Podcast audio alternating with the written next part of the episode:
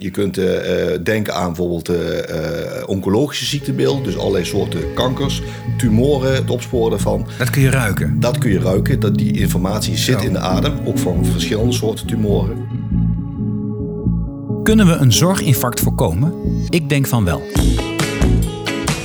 Dit is Slimme Zorg, een podcastserie van Ventura.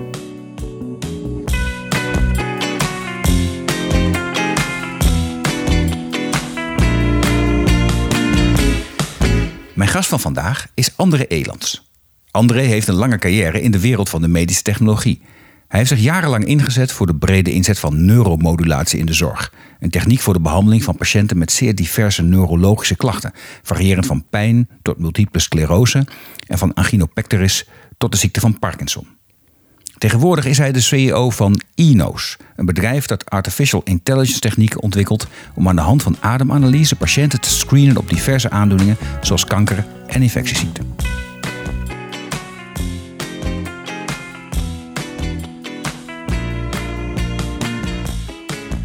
André, welkom bij de Slimme Zorg podcast. Voordat we gaan beginnen wil ik mijn luisteraars bedanken. Eh, ook voor over de afgelopen keren steeds weer mensen geweest die contact met mij zochten. En zeiden, hey, wat leuk uh, die podcast. Je zou eens een keer met die moeten praten. Je zou eens een keer met zus moeten praten. Nou, dat soort uh, berichten laat ze komen. Want meestal als ik suggesties krijg kom ik, en ik kan met mensen in contact komen... dan, uh, dan nodig ze ook uit voor de podcast. Dus dat vind ik heel erg leuk. En ik zou mensen ook willen vragen, laat vooral een beoordeling achter. Hoe meer mensen beoordelen, vooral positief... hoe beter de podcast gevonden wordt. En wijs ook al je vrienden en bekenden erop. Nou, dat gezegd hebbend, welkom André. Dank u wel. Ja, um, ontzettend leuk dat je er bent. En, um, um, en ook voor jou de gouden vraag van deze podcast. Wat is volgens jou slimme zorg? Nou, wat is slimme zorg? Eh, ik denk dat slimme zorg zorg is die toegevoegde waarde heeft voor patiënten, maar ook voor niet-patiënten die niet patiënt hoeven te gaan worden. Dus zorg die een bijdrage levert aan de gezondheid, algemene gezondheid, en dat voor een zo goed mogelijk, zo goedkoop mogelijke prijs. Ik denk dat die balans altijd gezocht moet worden. En ik hoor jou ook zeggen, en zeg jij niet voor niks, het gaat ook om mensen die daardoor misschien geen behandeling hoeven krijgen. Hè? En, uh, Juist die. Ja, en dat heeft volgens mij alles te maken met de techniek waar jij je, uh, nou ja, mag wel zeggen, dagelijks met hart en ziel voor inzet. Ja, klopt. En dat is voor de elektronische neus, de e-nose. Ja, de e-nose, ja. Wat, wat doe je daar dan mee? Want dat, ja, dat, ja, mensen denken, de e-nose is dat een soort, uh, soort drugshond op Schiphol. Die, maar dan elektronisch. Uh, ja, dan ga je waarschijnlijk zo zeggen dat zou nog kunnen ook. Maar uh, volgens mij is dat niet de techniek waar jij het over hebt. Nee, dat, zou inderdaad kunnen, maar dat is niet waar wij hem voor uh, inzetten. We hebben gekozen om de Ino's in te zetten om te ruiken aan adem. Aan, en daar ademprofielen van te maken. En door middel van die ademprofielen kunnen wij, zeg maar door allerlei wiskundige behandelingen, kunnen wij uit de adem concluderen of iemand ziek is of niet ziek is. En dat doen we door middel van het trainen, het leren van de neus. Net zoals wij onze neus trainen in het herkennen van koffie, thee, uh, bier, limonade, eten, noem maar op. Daar gebruiken we onze neus voor. Als baby kan die neus ook niks. We hebben die neus getraind in de afgelopen jaren. Zelfs heel goed getraind, soms in de wijn. En wij trainen onze neus voor het opsporen van ziektebeelden. Oké, en wat voor ziektebeelden heb je het dan over? Nou, dat is, we kunnen het eigenlijk in, in grofweg in drie categorieën kunnen het opdelen. Je kunt uh, denken aan bijvoorbeeld uh, oncologische ziektebeelden, dus allerlei soorten kankers, tumoren, het opsporen daarvan. Dat kun je ruiken? Dat kun je ruiken, dat die informatie zit in de adem, ook van verschillende soorten tumoren. Uh, dan moet je denken aan uh, infectieziektes. We hebben hele grote studies lopen voor tuberculose. Maar bijvoorbeeld COVID is ook een infectieziekte. En zo heb je nog wel meer uh, multiple sclerose infectieziekten. Dus die kun je ook daarmee opsporen. Maar er zijn ook andere aandoeningen, meer vaataandoeningen of neurologische aandoeningen, die je ook kunt terugvinden. Een voorbeeld daarvan is bijvoorbeeld longembolieën. Als iemand op de spoedeisende hulp komt, verdacht wordt op een longembolie, is dat in de adem uitstekend terug te vinden. Jemmer. Maar dat, nou, laat, laten ze eens af gaan lopen. Want um, uh, jij zegt, ik, ik kan, ik kan nou, niet jij niet, maar mijn, mijn elektronische neus, die kan ruiken of iemand kanker heeft.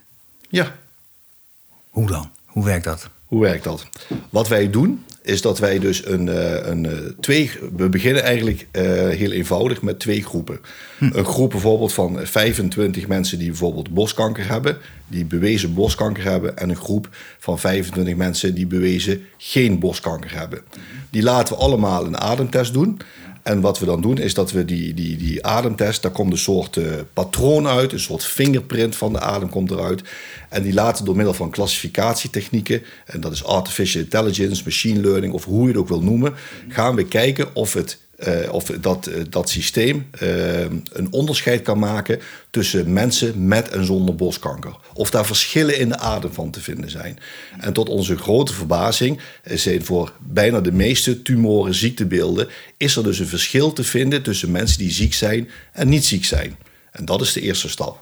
Ja, en dan maar dan, dus, en dan een eerste stap is dan, je kunt vooral ruiken of iemand waarschijnlijk gezond is. Of ruik je dan in eerste instantie vooral of iemand niet gezond is en, en nader onderzocht moet worden. Nee, wat wij, wat wij dus doen is dat we dus twee groepen definiëren. Eén die dus ziek is en de andere die niet ziek is. Ja, die heb je van tevoren vastgesteld. Dat is ja, vast, En daarmee bewijzen we dat er dus onderscheid te vinden valt... Mm-hmm. tussen de zieke groep en de niet zieke groep in de adem. Ja, okay. Nou, als we die af hebben, als je mm-hmm. dat bewezen hebt... dat zijn de zogenaamde homogene groepen... dan gaan we de groep vergroten. En dan gaan we, wordt de groep inhomogeen. Dan gaan we meer naar daagse praktijk kijken. En dan gaan we groepen maken tot ongeveer 100 tegen 100, ofwel 200 tegen 200. Daar zit ongeveer de, de grens die je nodig hebt, de ondergrens, om te kijken tussen die twee groepen of die ziekte daadwerkelijk aanwezig is en dat je hem kunt scheiden, ja of nee. Hm. Als je dat ook voor elkaar hebt, dan kunnen we een soort wiskundig algoritme bouwen die bepaalt ziek of niet ziek. Ja. En vervolgens gaan we daarna een hele grote groep waarvan we niet weten wat ze hebben, dus een blinde groep, mm-hmm. gaan we zeg maar voorspellen of ze daadwerkelijk die ziekte hebben, ja of nee. En als dat lukt, dan mag de vlag uit. Want dan heb je het voor elkaar gekregen om te bewijzen dat je dus kunt voorspellen of iemand ziek is of niet ziek is. Ja. Dat is de eindstreep. En ziek niet ziek, wel een, nee, je toest wel op een specifiek ziektebeeld. Hè? Het is, het altijd een specifiek ziektebeeld. Het algoritme wordt altijd gebouwd voor een specifiek ziektebeeld. Dat zou bijvoorbeeld voor longkanker kunnen zijn. Mhm. En als je dan voldoende longkankerpatiënten hebt laten blazen en voldoende niet-longkankerpatiënten hebt laten blazen, dan zul je de, de longkanker kun je dan weer uitsplitsen bijvoorbeeld in kleincellig of niet kleincellige longkanker. Want die hebben ook weer een Dat kun je ook nog ruiken. Ja, sterker nog, als de groep van een bepaalde uh, uh, tumor maar groot genoeg is, dan wordt de groep steeds homogener naarmate je verder gaat doorsplitsen en dan wordt het resultaat alleen maar beter van. Oké. Die zegt, dit, nou, dit kan allemaal, zeg jij. Hè? Ja. Maar, maar, zijn we ook al zover dat je deze techniek, deze techniek, deze werkwijze in de praktijk kunt gaan toepassen? Is er al ergens een plek in de zorg waar we zeggen wie gebruiken we dat? Of is het nog heel erg experimenteel? Waar zitten we ongeveer? Nou, het is niet meer experimenteel. Die hm. fases zijn voorbij. We hebben uh, in, uh, in de meeste ziekenhuizen in Nederland, in, uh, in, een heel groot gedeelte, met name in de grotere ziekenhuizen en de meeste academische ziekenhuizen, staat een INO's of wordt er onderzoek gedaan met een INO's. Ja. En er zijn drie indicaties waar we dat eigenlijk zo goed als afgerond hebben, waarin de multicenter validatiestudie is afgerond, waarin we dus blinden hebben om te voorspellen. Mhm. En dat is voor longkanker, darmkanker en voor COVID. En daarvoor hebben we, zeg maar, zijn we zover dat de inclusie klaar is en dat het in feite uh, nog een publicatie uh, moet gebeuren alvorens het uh, naar de markt kan gaan en daadwerkelijk ook in de reguliere praktijk gebruikt kan gaan worden. Maar dan zit je dus echt al heel dichtbij de reguliere praktijk. Ja, met name voor longkanker, daar zitten we zo dichtbij dat we eigenlijk verwachten dat we in het najaar dat al in de eerste ziekenhuizen op reguliere basis gaan gebruiken.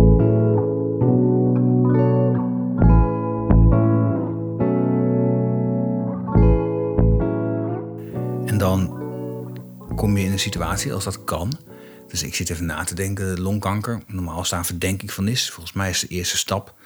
Nou ja, er zijn, er zijn aanwijzingen bij een huisarts. Hè? Dus uh, met, met, met pijn, bloed in de ophoesten. Dat zijn allemaal, allemaal narigheid. En dan denk ik, nou, dan kan zijn huisarts denken van... nou, misschien, uh, misschien wel longkanker, ik weet het niet. Door naar een ziekenhuis, naar een longarts of naar een oncoloog.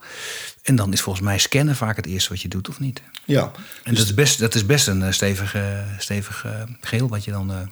Ja, dus zoals, zoals de, het zorgpad er nu uitziet, is dat iemand die bij de huisarts komt en met, met bloedhoesten, dus het bloed in de, in de, in de, in de in speeksel, dan, is hij dus, dan wordt hij verdacht op, op longkanker. Nou, grofweg heeft dan de helft van de mensen die dat overkomt, die heeft ook daadwerkelijk longkanker. Dus dat is best een eh, serieuze groep. Dan ga je naar het ziekenhuis. Dan krijg je vaak of een, een röntgenfoto. Tegenwoordig is vaak meer een CT wordt er gemaakt. Nou, op een CT vind je dan vlekjes. Die vlekjes zouden dan goed of kwaadaardig kunnen zijn. dan weet je dus nog niet als je die vlekjes hebt gezien. Nee, meestal zijn ze kwaadaardig. Maar, goed, toch, dat, dat, wil, dat kan ook nog een COPD of iets anders zijn. Wat je vlekjes ziet. Je ziet overal vlekjes wel. Als je ouder wordt zeker. En, uh, dus dan, dan ga je eigenlijk door naar de, naar de volgende ronde. Dat betekent dat je normaal gesproken een, uh, een bronchoscopie krijgt. Dan gaan ze zeg maar in je longen kijken of ze daar dus, wat ze daar tegenkomen op die vlekjes.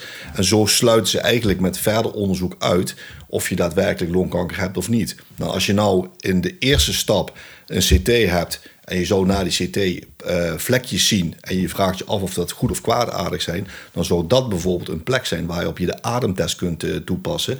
En die dan uitsluitsel geeft met grote zekerheid, je hebt het wel of je hebt het niet. Mhm. En de combinatie van een beeldvormende techniek als een CT en een ademtest, en je kunt discussiëren in welke volgorde dat moet, maar die twee samen, die geven voor een heel groot gedeelte, het grootste gedeelte uitsluitsel of je daadwerkelijk longkanker hebt of niet. En waarschijnlijk dan ook of je klein of grootcellig of je, ja, precies, kleincellig of niet kleincellig. Dat is een uh, onderscheid. Maar wat je met name doet, is een, een deel van de groep die kun je dus met grote zekerheid door de ademtest naar huis sturen van je weet zeker dat je het niet hebt. Dus je hoeft al die vervolgonderzoeken niet te doen. Ja. De combinatie van de test zou ook kunnen zeggen van het is zeker dat je het wel hebt. En dan heb je de keuze van ik laat me gelijk behandelen. Ik ga, hoef niet al die andere vervelende dure onderzoeken te doen. Ja. Dat is één stap. Dan spaar je heel veel diagnostiek uit. Heel veel diagnostiek bespaar je. Maar wat je ook kunt beslissen, zeker mensen van oudere leeftijd die geen zin meer hebben in al die behandeling, die zeggen van nou laat mij maar, dan kan ik nog in ieder geval nog een paar maanden uh, in, in, in, in redelijke gezondheid kan ik dan nog uh, thuis uh, mijn dingen doen. Want Ja. als je die onderzoeken ingaat en behandelingen, ja, dat is buitengewoon vervelend. Zeker als de afloop toch negatief is. Ja, ja. En ik kan mij. Dus je, je geeft mensen veel eerder zekerheid over. Nou, je geeft een groot, een snellere zekerheid van je hebt het niet. Ja, Dat is sowieso heel fijn. Maar je geeft ook sneller zekerheid van je hebt het wel. En dus kun je sneller beginnen met een behandeling. Of Precies. curatief of palliatief, wat je maar wil. eh. precies. En dat voorkomt ontzettend veel kosten, maar voorkomt ook leed. Dat, het is wel spectaculair. Ik kan me zelfs voorstellen, maar misschien denk ik dan te ver, ver door...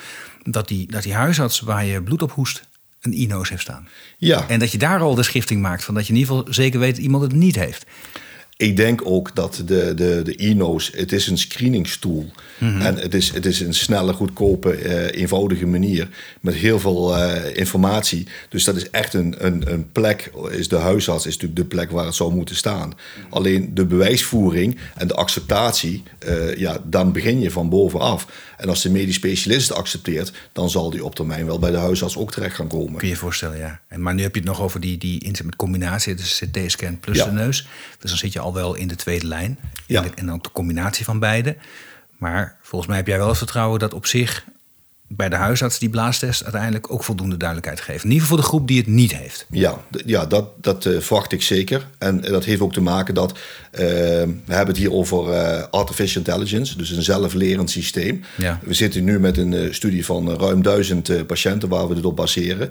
Als je dit steeds meer regulier krijgt, ook in de tweede lijn, dan zal het heel snel van duizend naar tienduizend naar veel grotere aantallen gaan. Maar die neus die wordt steeds slimmer. Dus die neus wordt steeds slimmer en dan komt ook het moment om helemaal vooraan te zetten. Ja, dat is het idee. Ja, ja, dus, dus ja, dus zodra je eenmaal de drempel overheen kunt, dat je zegt: Ik heb die neus in de praktijk, hij wordt nu ook gebruikt. Dan wordt hij eigenlijk in een heel snel tempo. Wordt hij steeds zorgvuldiger, steeds nauwkeuriger. Ja. En kun je hem ook steeds verder van de tweede lijn af bewegen. Precies. Er zal wel een maximum aan zitten. Vast. 100% zal het nooit worden, want er is niks 100%. maar het zijn die andere technieken ook Het niet, gaat wel steeds beter worden, ja. Ja. En, en nou, dit zorgpad voor, voor longkanker. En je zei, daar zijn jullie al heel ver mee. Hè? Dus Ja. dat, dat, dat, dat, dat is waarschijnlijk dat, dat patiënten dat ook kunnen gaan ervaren in Nederland. En die andere, borstkanker, hoe, hoe staat die ervoor? Borstkanker hebben we alleen een, eh, een grote pilotstudie gedaan. Waar Mhm. we hebben aangetoond dat er onderscheid zitten met mensen met borstkanker en zonder borstkanker. Mhm. En we hebben de borstkanker opgesplitst in de lobulaire groep en de ductale groep. En in beide groepen is onderscheid te maken met gezond, maar onderling is ook onderscheid te maken. Mhm. De lobulaire groep is daarbij heel goed te ruiken in de adem. En eh, dat heeft als toegevoegde waarde dat lobulair borstkanker op een CT uh, moeilijk, uh, of een mammografie moeilijk terug te vinden is. En vooral pas terug te vinden is als die in een verdere fase zit. Een T2 of een T3 is pas te zien. En wij sporen hem door de adem al veel eerder op. Dus daar valt ook nog wel een behoorlijke winst te maken in de toekomst. Nou ja, zeker. Want dat, dat, borstkanker is natuurlijk bij uitstek een, een, een aandoening waarin we een heel groot bevolkingsonderzoek hebben Ja. op dit moment. En nog steeds. Dat is nou ja, de laatste keer dat het opnieuw beoordeeld is, dat bevolkingsonderzoek, heeft het net aan, heeft net, net de drempel gehaald van dat het voldoende effectief zou zijn. Eh, dus dat is, vergeten mensen wel eens, hè, die, dat borstkankeronderzoek uh, zit ook vals positief bij, of mensen die te laat, of nou ja, dus het is, Zeker. het wordt gedaan, dus het is net aan, net aan zegt de gezondheidsraad positief.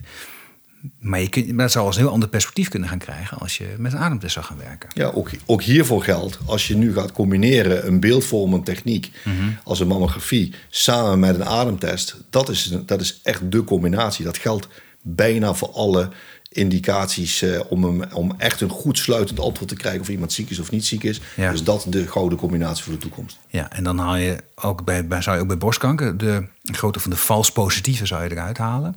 Dus de mensen waar je nu ten onrechte die je doorverwijst, omdat je denkt, nou ik weet niet, zeker verpluis. Dus de, de mensen waar niks aan de hand is, die haal je er beter uit. Ja. En degene waar wel aan de hand is, die vind je eerder. Ja. Maar voor borstkanker eh, hebben we nog geen grote eh multicenter validatiestudie gedaan. Dus die stap moet nog gezet worden. Die stap moet gezet worden. Dus het harde bewijs dat we kunnen voorspellen, is er nog niet. Darmkanker? Darmkanker daarentegen, daar is de multicenter validatiestudie is afgerond.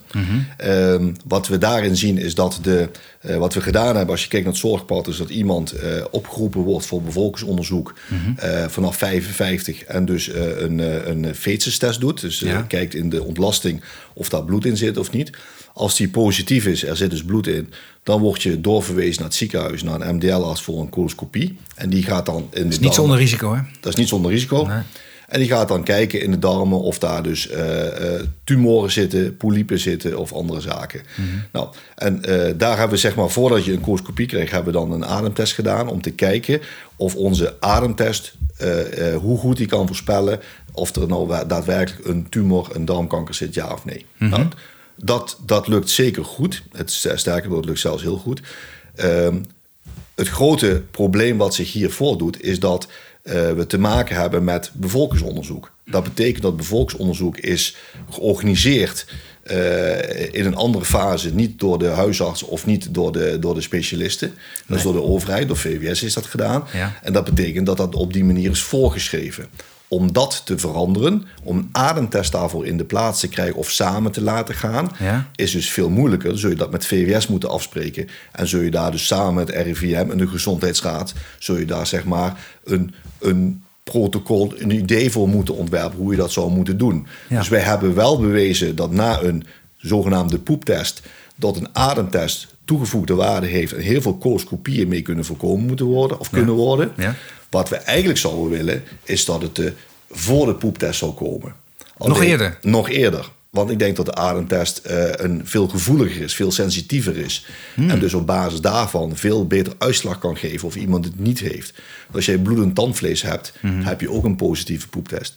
Dus dat, dat, daar zitten best wel wat nadelen aan. Er zitten best veel, eh, wat je zegt, vals positieve. Ja. worden ook- En veel te veel vals positieve worden nog steeds eh, veroorzaakt door deze poeptest. En dat is gewoon jammer. Als Kamerlid heb ik mij hier nog wel mee bezig gehouden. Er was net het besluit genomen om dat darmkankeronderzoek te gaan doen in Nederland.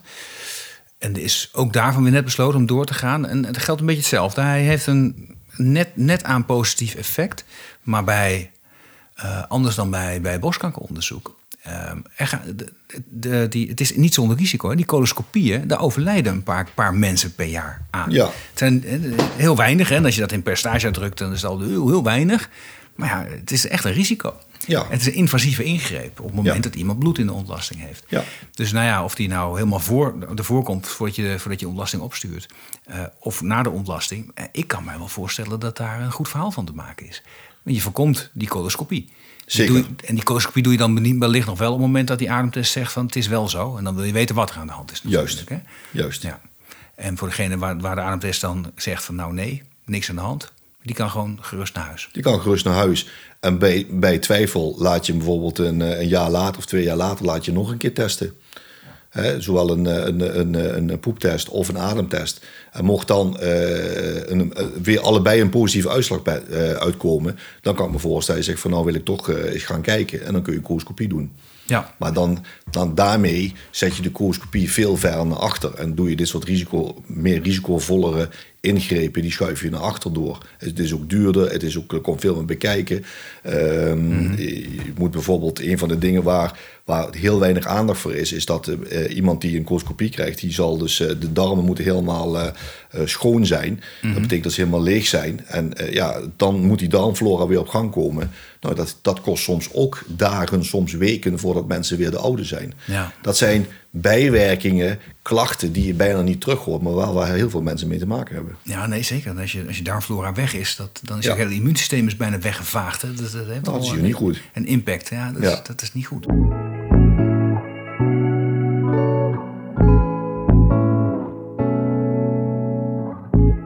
Daar raak je wel aan een element. Je net, die, die, onze, onze longkankertest die staat nu al op een aantal plekken.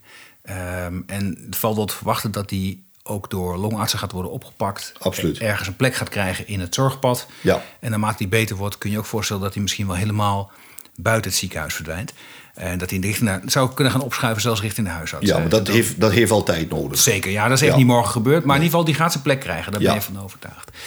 En, ehm, maar bij borstkanker en zeker bij darmkanker, waar, waar, waar je veel meer nog in een soort bevolkingsonderzoekachtige setting komt, waar de meerwaarde ook evident is, daar wordt het spannender. Omdat je daar met andere spelers aan tafel in één keer komt. Ja, nou, en, een een, een ander ehm, probleem wat bij bevolkingsonderzoek, wat voor ons lastig is als bedrijf, is dat je dus helemaal vooraan komt te staan met je product. En dat je dus onderzoek moet doen voor eh, bijvoorbeeld voor darmkanker. En als jij eh, bij bevolkingsonderzoek eh, wil een aantal positieve nodig hebt ten opzichte van negatieve om je systeem te trainen, je neus te trainen.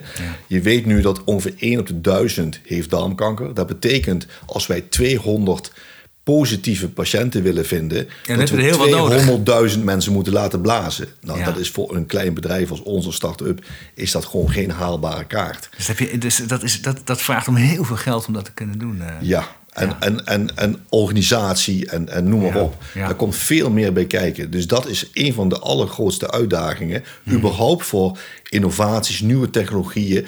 Om helemaal vooraan de zorgketen te staan. Hoewel vooraan de zorgketen heb je de meeste impact voor zinnige zorg, eh, zinvolle zorg, hoe ik het wil noemen. Ja. Maar dat heeft, dat, dat heeft de grootste bijdrage. Want dan ben je het eerste erbij. En dat heeft dus de, eh, zowel voor de patiënt als voor de, voor de, voor de zorg heeft dat, eh, heeft dat de grootste bijdrage. Ja. En het is niet zo dat er dan een universiteit is die zegt... nou, dat is, dit, dit, noemen dit is wetenschap, dit, dit pakken wij op.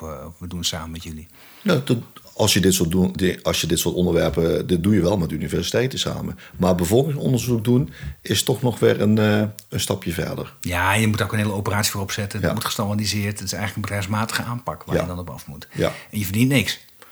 Nee, je verdient Ja, niks tot die tijd. ooit, nee. ooit misschien een keer. Ja, dat hoop je dan. Dat hoop je dan. Ja. want het kan ook, hij kan ook mislukken natuurlijk. Hè? Ja, ook dat nog, ja. Dat weet je niet van tevoren. Nee, er dat zit dus heel veel risico aan. En het is een enorme, enorme klus om dat te doen. En stel dat lukt jou. Je hebt die, al, die, al die hoepels ben je doorheen. En om, om, om bevolkingsonderzoek technisch op niveau te zijn. Dan nog moet je het gesprek aan met de Gezondheidsraad, de RIVM, Ja. VWS. Van joh, zullen we dat hele ingewikkelde dat hele protocol rondom die darmkankertest. Ja, En dan heb je kans dat daar ook weer een wetenschappelijke studie eerst overheen komt. ja.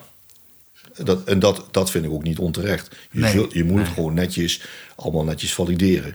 Ja. Dat, dat, daar, ben, ik- daar zijn we het ook over, over eens. Dat is, eh, dat is een no-brainer. Dat zou eigenlijk met alles moeten zijn. Mhm. Dat je het gewoon netjes valideert volgens de regels, de regelen der kunst. Mhm. We weten wat die regelen, regels zijn. Ja. Dat weet de overheid ook. Nou, als je daar gewoon netjes aan houdt. Maar dan moet je ook altijd netjes aan houden. Dan is het ook prima. Ja. ja. Maar hoeveel, hoeveel tijd kost het dan normaal gesproken als je dan zegt, nou, ik heb, ik heb een idee. eh, Ja, de techniek van die INO's die, die bestaat al, hè? die is robuust.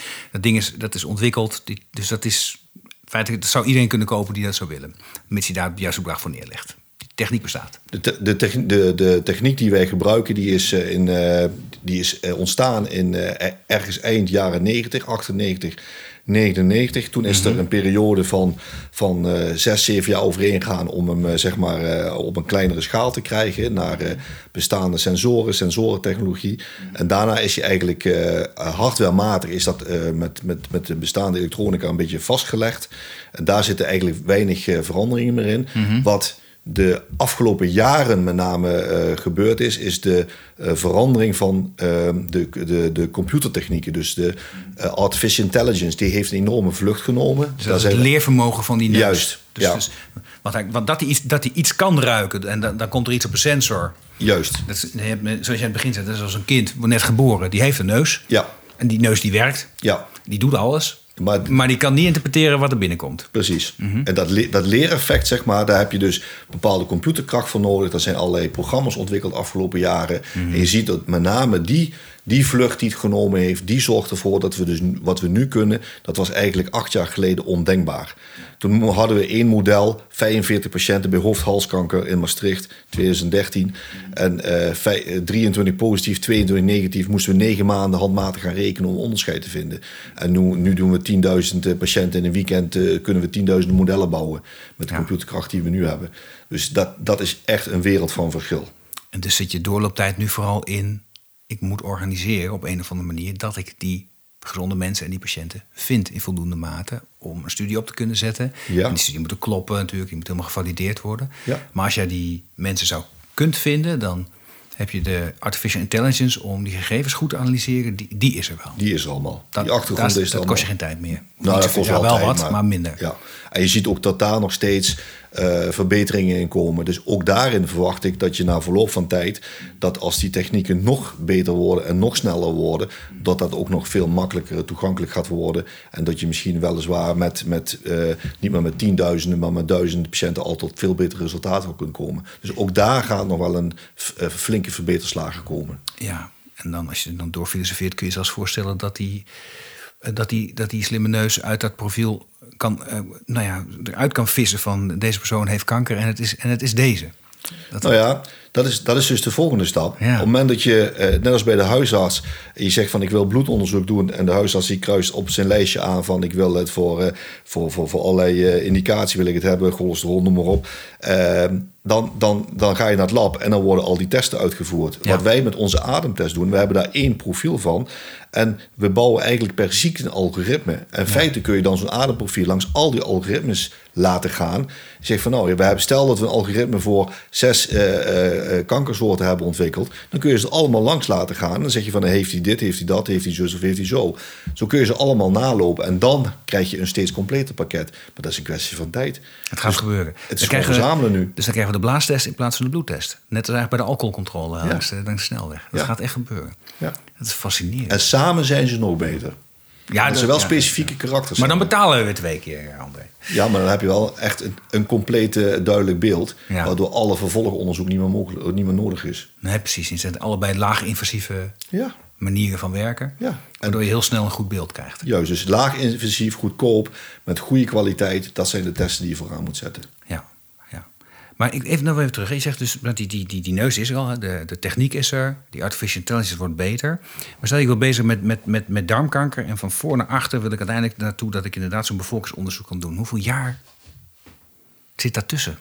Ja, nou, we zijn, nou dat, kijk, we hebben, ehm, we hebben nu ongeveer een jaar of eh, tien gedaan om longkanker helemaal van, eh, van scratch af aan tot aan dadelijk aan bewijsvoering om dat eh, uit te voeren. Er zit natuurlijk die technologische ontwikkeling zit daar ook bij, Ja. waar heel veel tijd in gaat zitten. Op het moment dat je één schaap door het sleutelgat getrokken hebt, want zo moeilijk is het eigenlijk, dan volgen er meer. En dat geldt in dit geval ook zo. Dus op het moment dat je eenmaal de weg gevonden hebt hoe je longkanker eh, moet doen, dan zul je zien dat je al die andere indicaties op een vergelijkbare manier ook gaat, eh, gaat vinden. En dan hangt het van eh, andere variabelen af van zijn er genoeg patiënten? Is er een medische noodzaak om dit te ontwikkelen? Hoe goed is de gouden standaard? Want dat vergeten we nu even. Maar je hebt een goede gouden standaard nodig om een neus te trainen. Kijk, als je als kind, als baby geboren wordt en je ziet een beest met een slurf en je zegt er altijd een koe, als, eh, zeg je altijd eh, dat is een koe, dan is elke beest met een slurf is een koe. Maar je hebt nu geleerd dat een olifant is. Dus Dat is de gouden standaard, is een slurf heet een olifant. Nou, en die gouden standaard, die is niet voor alle ziektes aanwezig. Dus dat, zul je, dat zijn zaken die je zult moeten ontwikkelen, of die moeten er zijn, alvorens je een neus voor een indicatie kunt trainen. Dat is wel een hele belangrijke voorwaarde. Ik kan me voorstellen. Maar ik, je bent dus wel positief. Dus je bent eigenlijk heel ver nu met, met, met deze techniek. En omdat je zo ver bent, kunnen die anderen steeds meer in de versnelling gaan komen. Ja, precies. Ah ja, oké.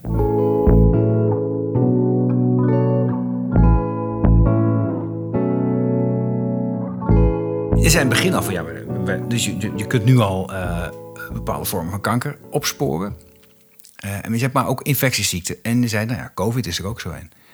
Ik kan me voorstellen dat, dat zo'n elektronische neus, dat dat ideaal is. Je ziet nu al het gedoe met testen en snel testen. En mensen willen weten waar ze aan toe zijn. En, eh, en, en, en heel veel gedoe over hoe betrouwbaar die testen zijn. De eeuwige, eeuwige verhalen van mensen positief zijn op een test en gaan naar huis en dan toch weer negatief of andersom. Ja, precies. Mensen die als enige positief testen in een heel gezin, terwijl ze allemaal boven op elkaar zitten, wat ook eh, vreemd is, zou je zeggen. is vrij onwaarschijnlijk. Ja, maar gebeurt wel. Hè? Ja. Dat, eh, dat zijn allemaal vreemde dingen. Ehm, en en zo'n neus, zeg jij, die is heel erg slim en specifiek. Ja. Is, is, is, is, is hij dan ook ontwikkeld voor, voor COVID? En is het ook gebruikt? Nee, hij is, hij is niet, hij is niet ontwikkeld voor, eh, voor COVID van oorsprong. Want als je eigenlijk kijkt waar de neus voor gemaakt is, is hij voor, eh, eh, voor patiënten gemaakt die willen weten of ze een bepaalde ziekte hebben of niet. Dus die willen alle medewerking verlenen om een ademtest te, te doorlopen, of ze weten of ze ziek zijn of niet. Ja. Ehm, in dit geval heb je het eigenlijk met COVID, is een beetje vergelijkbaar met een alcoholtest. Eigenlijk wil je hem gewoon niet doen. Want je wil geen positieve uitslag hebben. Want dan mag je niet naar eh, een evenement of je mag niet meer rijden of wat dan ook. Dus in feite is het, eh, is, heb je de omgekeerde bewijslast. Dus dat is sowieso al een nadeel van een ademtest in deze vorm. Want je wil geen uitslag. Dat Ja. betekent dus ook dat eh, als je een negatieve uitslag wil, kun je ernaast gaan blazen of zo. Dan wil je dat op een of andere manier manipuleren. Dus Ah, met andere woorden, ja, ja. de neus is niet gebouwd voor een COVID-test. Dus dat, dat moeten we wel even eh, voor opstellen. Mhm. maar, dan, maar je kunt hem wel gebruiken daarvoor. Want er zit voldoende informatie in de adem. Hè? Dus eh, wat wij eigenlijk meten is niet de ziekte zelf, maar de reactie van het lichaam. eh, zeg maar de, auto, de, dus de, de, de, de, de, de, ja, de reactie van het menselijk lichaam op een ziekte. Dus als jij je been breekt, dan zit er een scheur in het bot. En als jij eh, eh, een griep eh, hebt, dan krijg je een loopneus of iets anders. Nou, en die typische verschijnselen, die vind je dus terug in de samenstelling van de lucht in de longen. En die komen uit het bloed. Nou, en die samenstelling, die meten wij. En die is dus verschillend van iemand die niet ziek is. En voor COVID, dan ben je behoorlijk ziek. En er zijn allerlei verschijnselen. Nou, en dat is dus heel goed terug te vinden in de adem. Dus de reactie van het lichaam op een ziekte, die meten wij. En voor, voor COVID is dat ook aanwezig. En die is dus inderdaad ook heel goed te meten. We hebben een pilotstudie gedaan. En daarin is heel duidelijk naar voren gekomen dat mensen die ziek waren, niet ziek waren, dat we daar een hele goede scheiding tussen vonden. Dus was het tijd om een, eh, om een eh, vervolgonderzoek te doen, om een multicenter validatiestudie te doen. We hebben een, eh, een voorstel inge- ingebracht bij, eh, bij Zon en W in mei eh, voor, eh, 2020. Afgewezen omdat COVID na de zomer niet meer zou bestaan. Ai. Dus dat vonden wij een Dat hele pijnlijke constatering. Dat was een, was een misvatting met Ja. Zon en W op dat moment. ja, dat vonden wij ook echt niet leuk. Ook onbegrijpelijk eigenlijk. Nee, daar zal men nu wel spijt van hebben, denk ik. Want Dat denk ik ook. Dus Ja. uiteindelijk hebben, we- hebben we toch besloten, pas in november, na aandringen van de ziekenhuizen waar al een neus stond voor ander onderzoek, ze zeggen van kunnen we het niet, niet gaan gebruiken voor COVID. Dus we hebben uiteindelijk een multicenter eh, validatiestudie gedaan onder zorgmedewerkers. Dus alleen die. En waarom die? Omdat we die goed kunnen opvolgen. En een die hebben belang bij blazen. die hebben belang bij blazen, want je wil weten of de afdeling, eh, of je naar, naar het werk kunt gaan, of Ja, ja, of nee. Dus die staan dus anders in. Maar ook, en wat daar gaat het om, de testen die op dit moment, eh, zeker toen, beschikbaar waren. Dus eh, de PCR-test, sneltesten, antilichamentest achteraf, die zijn dermate eh, eh, onbetrouwbaar dat een goede gouden standaard om onze neus te trainen, die was er niet. Dus de, de, de, er waren te veel vals positieve bij de positieve. Er waren te veel vals negatieve die bij de negatieve zaten. En die variatie waren zo groot dat onze neus daarvan in de war raakte en het niet goed getraind kon worden. Als jij dus een kind voor de gek houdt en je zegt eh, tegen elke zebra-olifant, ja, dan gaat hij het door elkaar eh, gooien. Of een, een hond die heroïne moet opsporen, maar je geeft suiker is ook heroïne, dan raakt hij in de, in de war. En dat is voor onze neus precies zo. Dus als je te veel fouten introduceert, kan de neurale net werkt daar onvoldoende goed mee overweg. En dat was bij ons in, in ons geval het geval. Dus wij hebben gezegd, we willen alleen maar medewerkers doen waarvan eh, de gouden standaard verbeterd kan worden door de mensen op te volgen en na twee weken en na vier weken te vragen van bijvoorbeeld van Had je echt COVID? was je inderdaad, of ben je zieker geworden na die tijd, of is er niks meer aan de hand? Nou, dat zorgt ervoor dat je veel beter uitstuitsel krijgt. En dat soort type onderzoek is bij een GGD helemaal niet mogelijk. Want je mag de mensen niet opvolgen. Dus je krijgt nooit een neus goed getraind in de huidige situatie. Nee, en je hebt dat dus wel gedaan. En ook Ja. ben bezig geweest. En, Ja. en waarschijnlijk een, nou, als je niet tot een gouden standaard zijn gekomen, misschien op zijn minst een zilveren standaard eh, kunnen ontdekken, denk ik. nou, het is koper. Koper. Ja, het is- zelfs, zelfs ondanks al het opvolgen. Ja. Maar dat heeft met, met, met het gebrek aan volume te maken dan waarschijnlijk. Dat je Nou, 4000 medewerkers, dat is toch behoorlijk Dat is toch wat, In acht ziekenhuizen. Maar toch, omdat die, die, die, die onderliggende testen zo onbetrouwbaar zijn. En omdat de testen eh, per ziekenhuis, waar het afgenomen wordt, ook erg verschillend is. Ze hebben verschillende technieken. De een neemt een sneltest, de ander neemt een PCR. De ene neemt de PCR-test op zich heel betrouwbaar. Ja. Alleen de afname manier is verschillend. De een doet het. en daar wordt weer onbetrouwbaar van. Ja, de een doet een linkerneusgat, alleen de rechter. Sommigen doen er twee, sommigen doen twee en de keel. Allemaal verschillend. Maar ook het samplen van de PCR. De ene samplet maar tot 30, de ander eh, veel verder. Dat betekent dat iemand die al COVID gehad heeft, eh, een half jaar geleden... als je maar genoeg samplet met je PCR... Ja, die, vind je die blijft eeuwig positief. Ja, dus weer een foutmarge van 20% in bepaalde ziekenhuizen.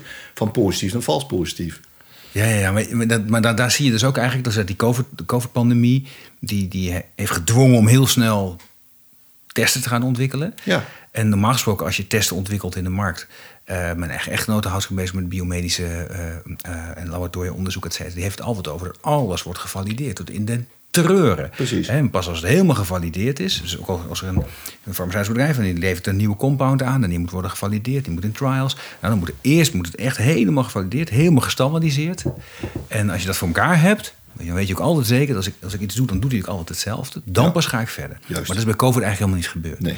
Dus wat, dat was wat- daar eigenlijk in een soort in, met, met een soort internationale paniek hebben gewoon dingen ontwikkeld waarmee je in de buurt kwam van enige duidelijkheid. Ja, en, ik denk als je in 2020 ehm, eh, de, de eerste golf en de tweede golf misschien geen antwoord had gehad, dan had je in ieder geval die periode kunnen gebruiken om een hele goede test te ontwikkelen. Ja. En dat is helaas gewoon niet gebeurd. Omdat men elke keer denkt ja, nu is het over. Mhm. En ik, ik geef je een briefje, het is nog steeds niet over. Er Mhm. komt nog steeds vervolg. Maar er is daar nog steeds, mensen, bij ons in ieder geval, niet iets klaar om, eh, om de volgende golf wel de ademtest in te gaan zetten. Want bij ons liggen nu ook stil op dat vlak. Ja. Ja, je had eigenlijk nog verder gemoeten met het onderzoek wat je deed. Ja. En dan had je wel toch naar die, van het koper naar zilver naar die gouden standaard kunnen komen. Precies. En dan had je voor de welwillende blazer, want dat, die heb je dan wel nodig. Ja, Dus mensen die er gewoon belang bij hebben om een eerlijke uitslag te krijgen. Juist. Kun je met zo'n ademtest wel degelijk ook met hele grote mate van zekerheid dan vaststellen. ja dat, Of dat, iemand COVID heeft. Ja, je kunt, een- je kunt een hele hoge sensitiviteit kun je halen. Dus dat betekent dat je dus zeker weet dat je het niet hebt. En tegelijkertijd, de test, de ademtest die je waarschijnlijk nu al hebt op het gebied van COVID, die is net zo betrouwbaar of onbetrouwbaar als de testen die al in de markt zijn. Ja, dat kun je wel zeggen. Dus ja. het is, en je zou ook kunnen zeggen, nou weet je, dan, gaan we, dan, dan, dan bieden we hem toch aan. Ja. Want ken ik die andere test, vindt iedereen ook goed genoeg. Ja. En dat doe je niet. Waarom dat doen we niet. Waarom niet? Nee, er is, er is een bestaande markt Mhm. voor de huidige testen. En dat is een, eh, dat is een enorme vechtmarkt. Mhm. Waar we ons niet in eh, thuis eh, voelen. En wij hebben jarenlang gewerkt aan de ontwikkeling van longkanker en andere ziektes. En we laten niet door, door een eventuele mogelijke mislukking elders. Laten we dat, laten we dat ons ontnemen. Dus we, de, de, de, hoofd, de hoofddoel blijft eh, eh, eh, darm, of longkanker, darmkanker en andere indicaties. En mocht er in samenwerking met ziekenhuis, overheid een bereidheid zijn om echt een hele goede studie op te zetten om netjes te valideren volgens de regels der kunst, dan staan we er altijd open voor. Ja, precies. Het, het, het ligt op de plank, het is niet weggegooid. Ja, we publiceren het straks en daarmee hebben we aangetoond dat we het kunnen en daarmee is de kous af. Ja, en dan, is eigenlijk, dan hoop je eigenlijk dat er ergens iemand rondloopt die denkt, daar wil ik mee verder. Ja, nou ja, je zou kunnen denken bijvoorbeeld aan een soort eh, early warning systeem. Waarin je dus eh, op, op voorhand, bijvoorbeeld je zou bijvoorbeeld nu al gedurende deze periode in de zomer, eh, daar waar al neuzen staan in ziekenhuizen, zou je gewoon met regelmaat van de klok mensen kunnen laten blazen, medewerkers of wie dan ook. Komen er dan mensen binnen met een nieuwe variant of met een, een compleet nieuw virus, eh, dan lopen we niet meer achter de feiten aan. Want dan hebben we al die ademprofielen, kunnen we algoritmes bouwen en dan zijn we klaar. Dus je zou binnen een maand zou je eigenlijk al een early warning systeem klaar kunnen hebben en dus een nieuwe pandemie op die manier kunnen voorkomen. Maar dat moet je wel willen dan. Ja, dus, dus dan laat je mensen blazen. Ehm, nou, voor de bestaande varianten die zouden eventueel uit kunnen worden gepikt. Dus Ja. dat, dat is dan de. Of je laat ze blazen voor, dadelijk voor, Voor ziektes als, als, als, als longkanker of zo. En op een gegeven moment heb je die ademprofielen. Ja. En op een gegeven moment komt, eh, komen die mensen met, ook met coronaklachten of met iets heel anders komen ze dan. ik stel dat ze groene pukkeltjes krijgen van een virus. Ja. Nou, dan heb je wel al die ademprofielen al binnen van mensen die over drie weken groene pukkeltjes krijgen. Ja. Dus op het moment dat er dan een algoritme klaar is en er komt dan iemand binnen en zegt van over drie weken krijg je volgens ademprofiel krijg je groene pukkeltjes, laat eens wat gaan doen. Ja. Dan ben je het voor. Dan heb je een heel mooi early warning systeem. Ja, dat is interessant. En omdat het zo laagdrempelig is om, te, om, om zo'n ademprofiel te maken, zou je dat, eh, zou je dat kunnen doen, inderdaad. Ja, dat kunnen we. Ja, ja het zit dan wel, zitten wel natuurlijk al privacy-achtige kwaagstukken aan en dergelijke. Hè, Ja. mensen dat- maar goed, we zijn hier vandaag eh, in Groningen, bij mij, bij mij thuis. In Groningen is een heel grote biobank, Lifelines. Daar zitten Ja. 130.000 vrijwilligers in. Die van alles mag daarvan worden opgeslagen en, eh, en geleerd en gedeeld. Dus als je mensen maar netjes vraagt, zijn heel veel mensen bereid om mee te werken met, eh, wat is het? Ja, eh, preventie in het algemeen belang. Zo Ja, zou je het kunnen noemen. Dit is echt preventie, ja.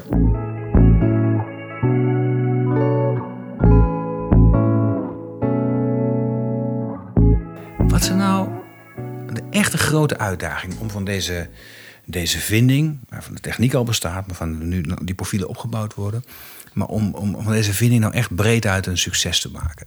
Wat, wat, je, hebt, je, hebt de tijd nodig, je moet goed kunnen valideren, je hebt ook geld nodig, denk ik. Ja. Want, het, want dat, dat, dit kost nogal wat. Je, je zit al jarenlang, eh, moet je, moet je, hier gaan de, de investeringen heel ruim voor de baat uit. eh. ja, dat kun je wel zeggen. Ja, en, en de mate, en de mate van, de- van, van investering die je nodig hebt. dan, soms hoop je dan dat het wordt minder, want er gaan we wat verdienen. Maar ja, je gaat pas wat verdienen als het helemaal is geïmplementeerd in de zorg, denk ik. Hè? Ja, klopt. Dus dat, dat, dat kan toch echt nog wel even duren. Ja, En al die tijd wil je wel door researchen. ja Hoe omdat je ook de mogelijkheden ziet. Ja. Ja, dus als je, als je het dan over, over eh, onderwerp als longkanker hebt, waar je dus heel dichtbij bent. Ja. eh, wat wij daarin verwachten is dat de centra die met de studies hebben meegedaan, die dus bekend zijn met, de- met de materie, die weten dat het werkt, die zullen dus ook eer- veel eerder accepteren dat het werkt en dus dat ze het ook gaan implementeren. Wat ik dus verwacht is dat dit jaar de, alleen de ziekenhuizen die met de studies hebben meegedaan, dus hem regulier gaan inzetten. En misschien ook nog wel naast de CT. Hè, dus in combinatie met. En na verloop van tijd dat ze eh, steeds meer vertrouwd raken met de ademtest en erop durven te vertrouwen.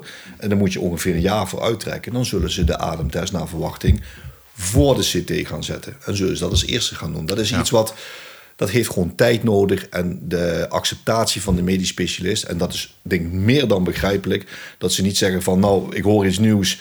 Ik, er is een studie vrijgekomen, laat het gelijk maar implementeren. Zo werkt het natuurlijk niet. Nee, ze zullen echt- parallel gaan lopen, Ja. maar langzaam zullen ze steeds meer van overtuigd raken dat het, dat het inderdaad eh, werkt zoals wij zeggen. Mhm. En aan een gegeven moment is de volgende stap is dat je een, dat noemen wij een outcome-studie, waarin je dus eh, eh, probeert om aan te tonen wat de toegevoegde waarde is. En als die daadwerkelijk blijkt, dan wordt die opgenomen in de richtlijnen van de medisch specialist. Dan ben je weer een stapje verder.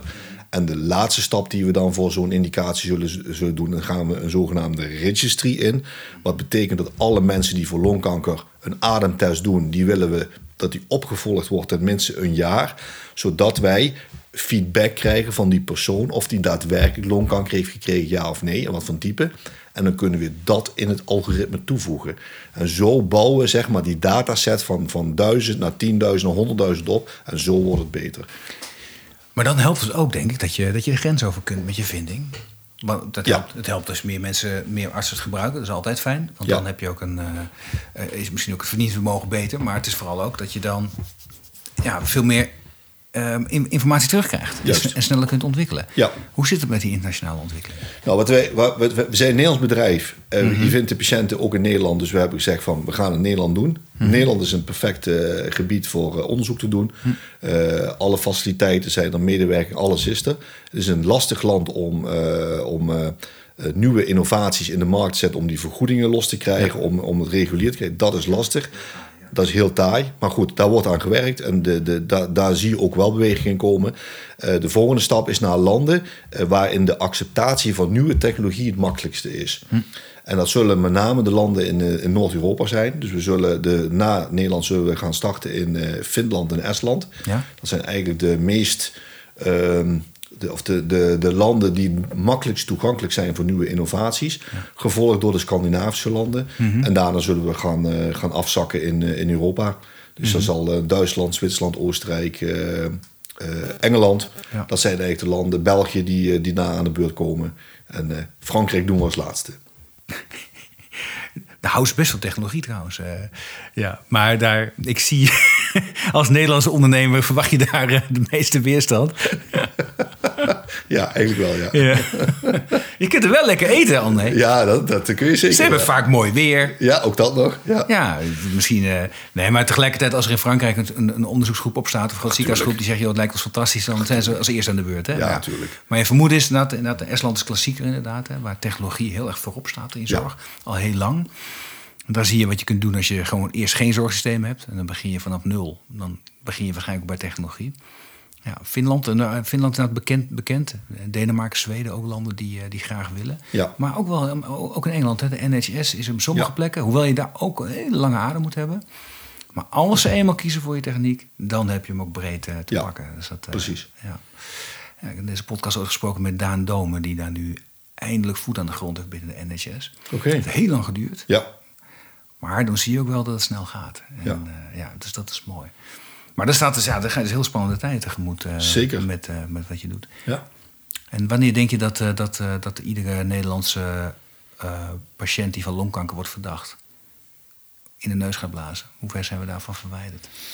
Ik denk dat het in Nederland nog wel eens heel snel zou kunnen gaan. Hmm. omdat ik denk zelf, als wij ehm, dit jaar starten met de eerste ziekenhuizen uh, en, en het, het uh, geaccepteerd krijgen. Mm -hmm. Dat er de, de grote ziekenhuizen, met name de ziekenhuizen die aan Santion verbonden zijn, mm -hmm. wat we daar ook, uh, er zitten ook flink veel ziekenhuizen bij die dit onderzoek nu ook gedaan hebben, ja. die zullen omarmen. Nou, dat zijn hele belangrijke ziekenhuizen in Nederland. Zeker. Er zitten nog een paar improve ziekenhuizen bij die er ook bij betrokken zijn. Dan, dan heb je de grootste. Vergelijkbare groepen. Santion ja, is, en, en, en ten bundelingen van grote niet-academische ziekenhuizen. Juist.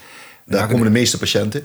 Ja. Dus, je hebben, en dus als zij het gaan omarmen, dan zal het heel snel gaan, uh, gaan uitwaaieren naar de, naar, de, naar de andere rest van de periferie. Mm -hmm. En de academische ziekenhuizen zijn er sowieso dan in geïnteresseerd van wat is dat dan en uh, waarom doen wij het niet. Dus dat, ja. die acceptatie gaat dan heel snel. En zodra het in de richtlijnen komen, dus na de outcome-studie, mm -hmm. uh, dan zijn we nog een jaar, ruim een jaar verder. Dus ik denk binnen nu en twee, tweeënhalf jaar, dan gaat iedereen in Nederland hier kennis mee maken. Ja, ja voor longkanker. Ja, voor longkanker. Ja. Ja. Je hoopt dus heel veel mensen niet. Hè. Dat is, uh, ja.